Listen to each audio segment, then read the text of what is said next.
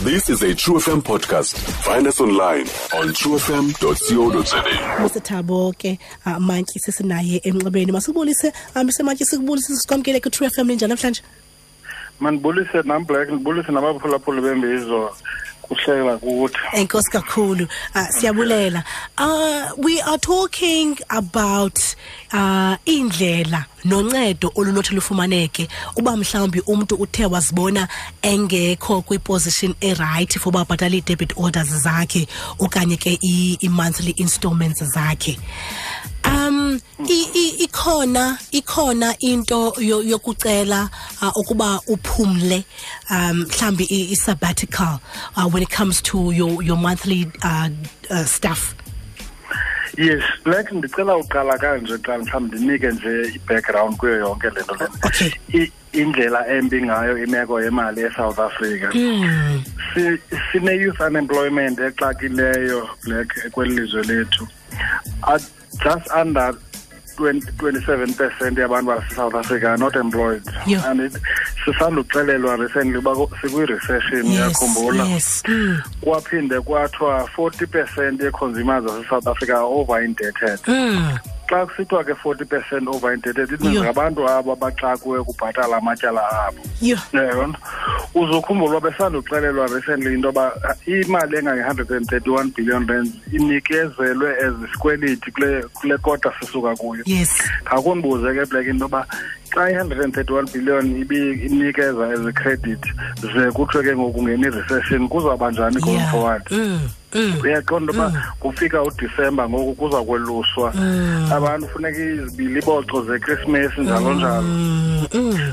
so kwawuthi kufika ujanuwari Yho, kwabe kube imeko kunjalo. engentlanga Mm. uyabona na umbuzo wakho uyabuza amntu oxa kwezi zikweleti wenza kanjani yes okay ngo-2005 urhulumente uthe xa ibona imeko leni uba ayintlanga abantu abakwazi ulala ebusuku kuzizitress zidepression ngenxa yongakwazi ubhatala amatyala abo wafaka isolotya lomthetho kuthiwa yi-national credit act national credit act ithi umntu osindwa ngamatyala makeze sizomncedisa ngokuwathoba la matyala masithi mhlawumbi umzekelo ubhatala ukutya ubhatala imoto ubhatala irenti ziimpahla i-credit card njalo njalo wamkela i-nine thousand rand ngenyanga andithina kodwa ufumanisa la matyala akho ayi-thirteen thousand rand injalo so clearly awusakwazi ke ngokuphila andithi uthi ke laa mthetho yiya kwi-debt councilor iza kuthobela le mali uyibhatala la 13000 ihle ike ihle up to 50 percent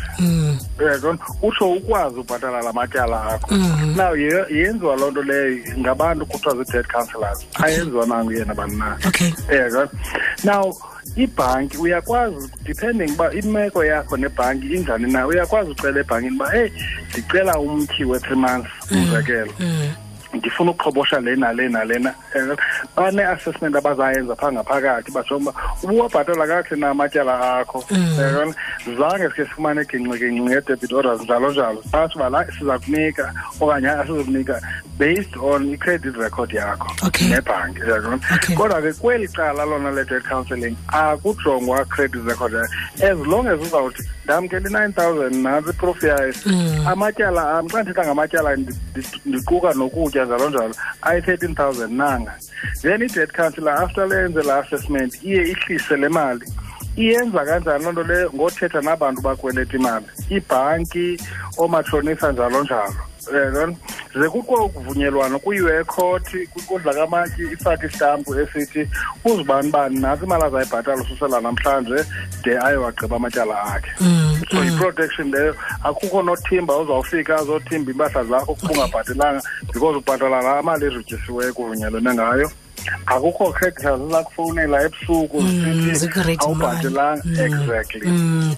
ithini ke uh, loo nto ke uh, mr manti ingaphazamisani inga, inga or ruin your, your credit record okay okokuqala once u- u- u- ungene-under dead review u- liyavela igama lakho kwi-credit bureau into yoba u-under dead review Mm. now i-dead review yiprocess onongena kuyo unophuma nanini na uthanda Okay. Ah. unlike xa kusithiwa u- ublacklistiwe ngenxa ukuthathwa i-judgment against wena Alright. apha ukwazi uphuma until ugqibe but kwi-dead counseling uyakwazi ungena uthi mhlawumbi after Okay. twelve months uxoba ndiwacuthile la ebendibambe kakubi ndicela uphuma kule process ungekayigqibi kodwa ke ngokomthetho uthi befana uba uphuma mhlasele ugqibile wabhatala ewonke kodwa ke into ziyenzeka ungathi ngoku kwi-dead counseling umzekelo utshayiselwe imoto kufuneka uyothenga imoto entsha uza- awuzukwazi uyithenga xa u-under i-dead counseling because ulistiwe andithi so ufuneke ucele ngoba mandiphume kule process ndikwazi uyofumana imali yothenga laa moto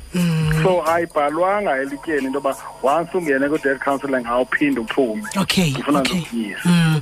Ah, bu- but also if ke ndizawucela into yoba ndiwahlise amatyala am um mhlawumbi ndincedakale ke um then i would think into yoba zikhona ke ngoku izinto ezawuthi zichaphazele loo nto um bendiba mhlawumbi ndizawugqiba ubhatala mm, masithi umzekelo next year but now obviously that's not gonna be the case yes kunjalo msasazi xa black u- u- u- black ungakwazi uextenda laa term yakho i- usuka kulaa twenty-four months ubuyijongile umzekelo to i-thirty-six months Yeah. uyabona ne-interest rate eadjustiweyo kodwa ke nantso into ebalulekileyo umntu ofuneka jonga uba ufuna uphila ngoku okanye ufuna uba ukhawuleze ugqiba amatyala akho okay because if ujonga izigulo ezilandela abantu nge- ngokungalali ngemali njalo njalo uyabona kungcono se item lena ibe i-extended than uba kuthiwe ufa following day Mm-hmm. uyabona? ndiyakuva eh.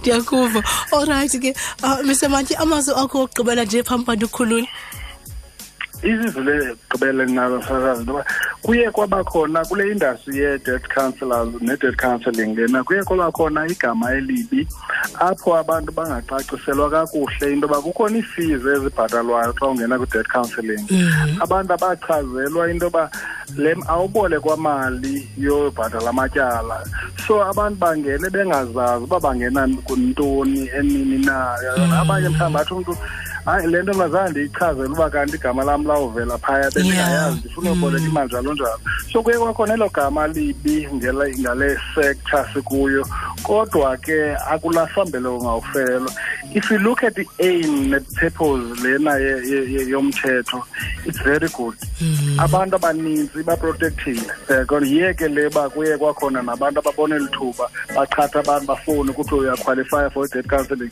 sizawufaka imali kwiakhawunti yakho in the next twenty-four hours njalo njalo Eh, so abantu mabahambe baye kwii-offices ezi-reputable abazaziyo emagqwetheni njalo njalo bazofumana le assistance Mm, all right. Miss- akukho need uba abantu bangalali ngenxa yamatyala wena urhulumente eyenzile indlela yoba abantu bachuthelwa amatyala Mr. Mantyi, thank you so much for your time. Siyabulela kakhulu. Ndiyabulela kakhulu, Inkosi kakhulu nakalo nkcazelo. Okay. Stream True FM online on truefm.co.za. sikho yonke indawo ngalo lonke ixesha like no one else